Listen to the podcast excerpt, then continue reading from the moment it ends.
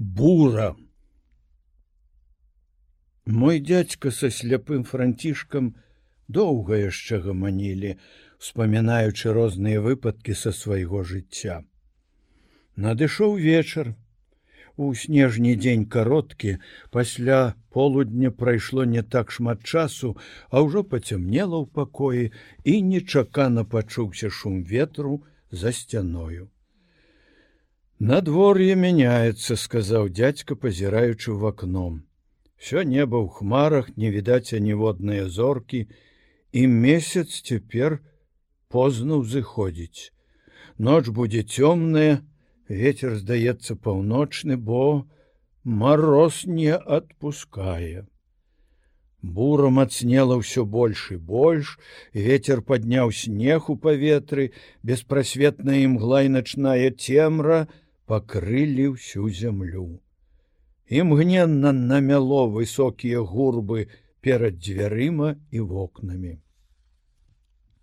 Цяпер людзі вяртаюцца з полацкага кірмашу, сказаў дядзька. На возеры ўжо пэўна замяло дарогу. Кажучы гэта, ён паставіў свечку на падваконнем.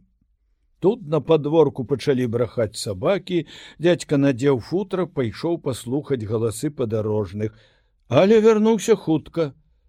Трэба выкарыстаць іншы спосаб, бо бура падняла ў паветра столькі снегу, што агонь в акне ледзь відён. Сказаўшы гэта, ён запаліў ліхтары свечку і ў двух з парабкам моцна прывязаў яго да высокае жэрткі пры самай браме. Зайшоўшы ў пакой, сказаў францішку: маё жытло гэта порт на беразе мора. Мушу кожную буру такім чынам ратаваць ад няшчасця падарожных. Калі завальня сказаў гэта пані Мальгрета, якая была ў гэтым самым пакоі, не змагла больш стрымліваць свой даўні гнеў на гэтых гасцей, што Бог ведае, адкуль збіраюцца на начлег, наракаючы на непатрэбныя выдаткі і начную метрэнгу. Збярэцца тут цэлы кірмаш, сказала яна ніколі спакойна не заснеш усё здароўе страціла ты э, вас пані гневаешся бо не разумееш нічога азваўся дядька. А можа пан марагоўскі з дзецьмі у дарозе такая бура. Барані божа калі якое няшчасце я сама чула марагоўскі абяцаў прыехаць на самую куццю а куця яшчэ заўтра Цяпер ён начуе недалёк ад полацка. Гэта вас пані не твой інтэрас, я пра гэта лепш ведаю.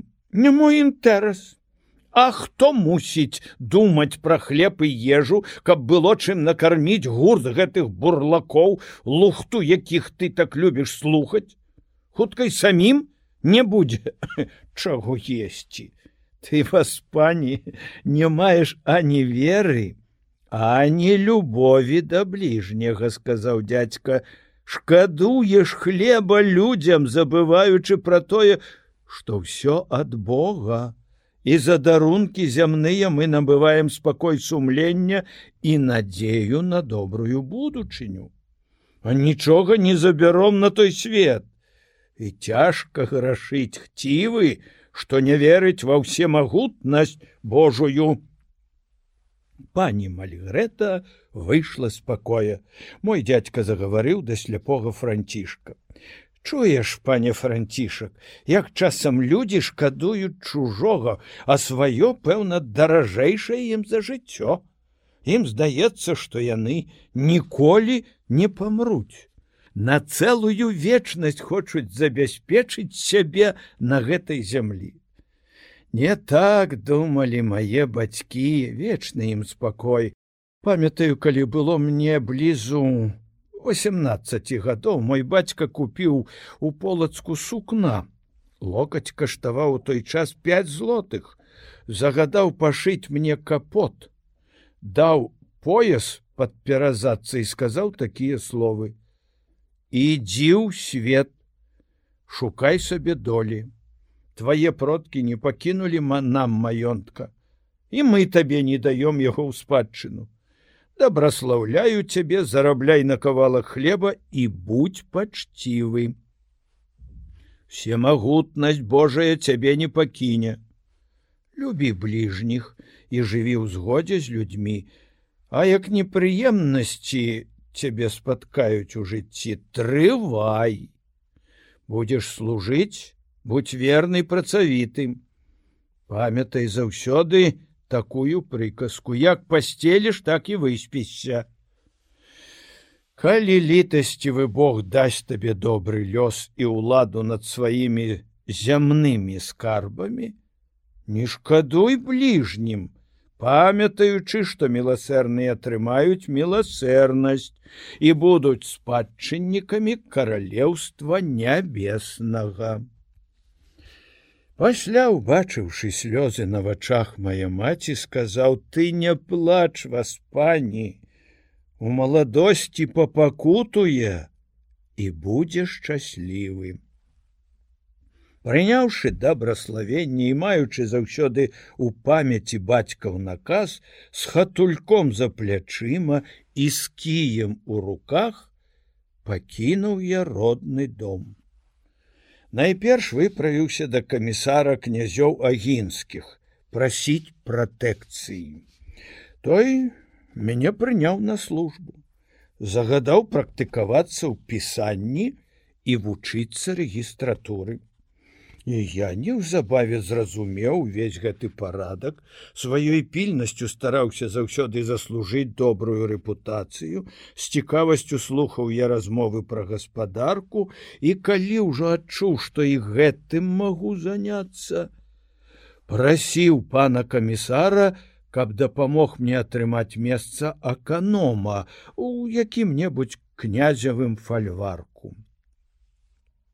Ты малады сказаў камісар каб гаспадарыць у маёнтку. Мала старання трэба быць чалавекам дасведчаным. Добра ведаць якасць зямлі дзе што пасеяць. Ведаць час калі сеяць гарох пшаніцу ячменці авёс. А што найцяжэй прадбачыць перамену надвор'я калі прыйдзе час сенакосу О, тут гаспадару трэба паказаць розум, каб сена не згніло на лузе. Дабрадзею, кажу я. Кожны ж гаспадар некалі вучыўся на практыцы.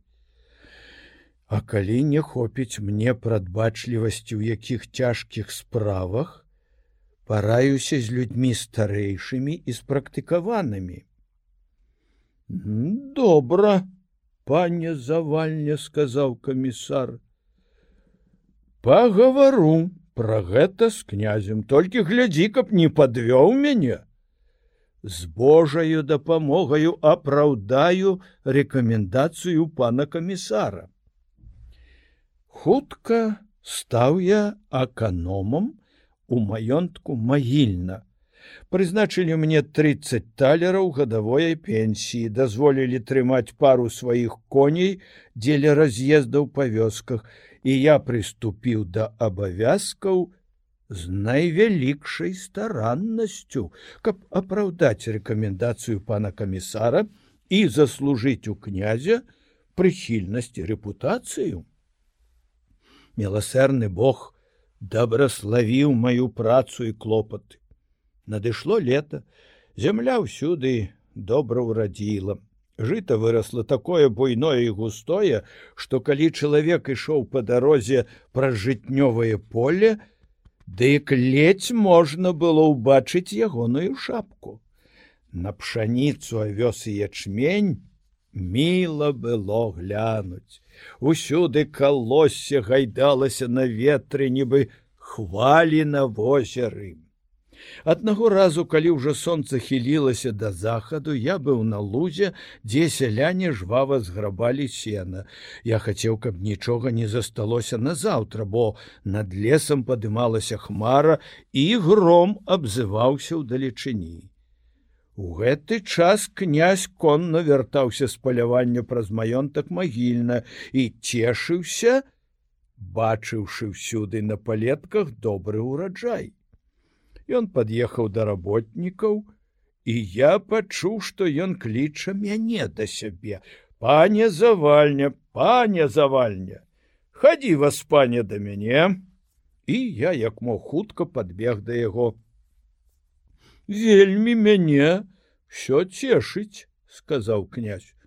Ты дбайны гаспадар міла глянуць у гэтым маёнтку ўраджаі нашмат лепшы чым у іншых. Ласка Божая ясна вяльможны княжа сказаў я лета цёплае дожджык часта мілаваў зямлю спадзяюся і на малот не падвядзе. Жыта добра каласілася гэта праўда што лета добрае але пры гэтым бачу і добрую руплівасць дзякуй Дякуй, пане завальня. Сказаўшы гэта, князь паехаў, а я вярнуўся да сялянаў. Праз колькі дзён камісар павіншаваў мяне, бо князь загадаў дадаць да мае пенсіі яшчэ 10 талераў. І з таго часу, атрымліваючы штогод 40 талераў, я мог жыць спакойна, і бацькам сваім дапамагаў, пакуль Бог дазваляў ім жыць на гэтым свеце. Князь быў чалавек старасветскі, пабожны і дабрачынны, царства яму нябеснае. Я заўсёды малюся за ягоную душу. Ён бацька быў сваім слугам, бедных і нешчаслівых цешыў і дапамагаў ім. Паслужыўшы гадоў, 15 у такога шляхетнага і добрага пана я ўзяў в аренду маленькі фальварачак.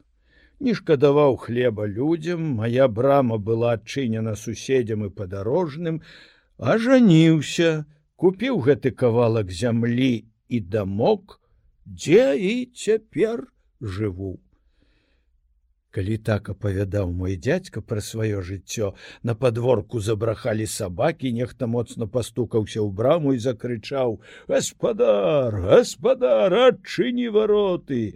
Пусці нас хоць пагрэцца саўсем прастылі! Барані бог гэткая бурная ноч! Парабак адчыніў. Парыпваючы па снезе заязджае некалькі вазоў пытаюцца хто тут жыве пан завальня адказвае парабак. Некалькі падарожных зайшло ў чалядны пакой. Дядька посылае мяне каб я попрасіў да яго пані мальгарету калі тая прыйшла сказаў ёй не гневайся вас пані на падарожных. А калі б з нас каго спаткала ў дарозе такая бура? А ніхто б не хацеў гінуць на возеры. Спяшаўся б як найхутчэй трапіць у цёплую хату жыццё кожнаму дарагое. Чалавек як можа ратуе сябе ад няшчасця. Сурова будзе судзіць Бог таго хто перад нешчаслівым зачыняе дзверы. Дай вас пані ім вечэру не хвалюючыся вельмі пра будучыню. Хлеб надзённы посылае нам усемагутнасць Божая сказаўшы гэта ён пайшоў чалядны пакой. Прайшло паўгадзіны. Дядька вяртаецца размаўляючы з падарожным у старым сурдуце што некалі быў пашыты з добрага зялёнага сукна. Валасы коротко падстрыжаныя густыя бакенбарды і вусы. Выраз яго твару і манеры казалі што ён не просты селянін а доўга служыў пры двары. І што за прычына сказаў дядзька такога далёкага падарожжа? Это ж не жарты наведаць усе куткі інфлянтаў і курляндыі! Пан ведае гэтую простую прыказку сказаў падарожны за дурной галавой і нагам не ў пакой. Вось уласна накшталт гэтага і маё цяперашняе падарожжа Прыйшла ў галаву майму пану думка пабудаваць суконную фабрыку. Меркаваў, што такім чынам набудзе залатыя горы. Адгаворвалі яго суседзі, што добра разумелі гэтую справу, кажучы такія словы. Не з фабрык трэба пачынаць беларускім панам, каб палепшыць свой быт, а з зямлі. Бо сельская гаспадарка найбольш прыносіць карысці ў нас. Трэба рупіцца заводзіць жывёлу, угнойваць палеткі, павялічваць сенажаці і сваіх падданых навучыць лепшым маральным канонам, каб любілі сваю бацькаўшчыну, не крыўдзіць, прысвойваючы іх уласнасць менш будаваць корчмаў і старацца мець больш збожжа у запасе.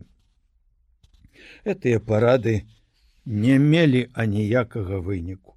Пан заклаў у банку большую частку маёнтка, накупляў машын, выдаткоўваючы на гэта велізарныя грошы, прывёз іншаземца фабрыканта, частку падданых паслаў у сталіцу вучыцца гэтаму рамяству, а іншых зарабляць грошы на ўтрыманне фабрыкі.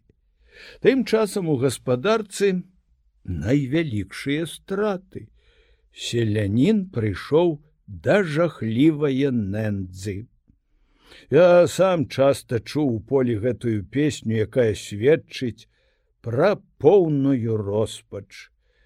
Не будзем жыць і пойдзем блудзіці, Следця худыя паны ліхія, кароў пабралі, у двор загналі, нет хлеба солі, нет шчасця долі, поле пусцеіць і нечым сеяць, Не будзем жыці, пойдзем блудзіці. І сапраўдым. За адзін толькі год амаль трэць падданых пакінулі свае хаты і пайшлі туляцца па свеце. Убачыў пан сваю памылку, бо і фабрыка ягоная яшчэ не ўпарадкавана, як трэба, пачала ўжо занепадаць. Бракавала грошай на воўну, на прывоз замежных фарбаў, на выплату пенсіі фабрыканту, зніклі усе надзеі. Дайшла вестка ад людзей якія ездзілі з таварамі ў рыгу што яны сустракалі там сялян нашай воласці і размаўлялі з імі дык пан неадкладна паслаў мяне каб я з дапамогаю мясцовых уладаў вярнуў тых людзей на ранейшае месца жыхарства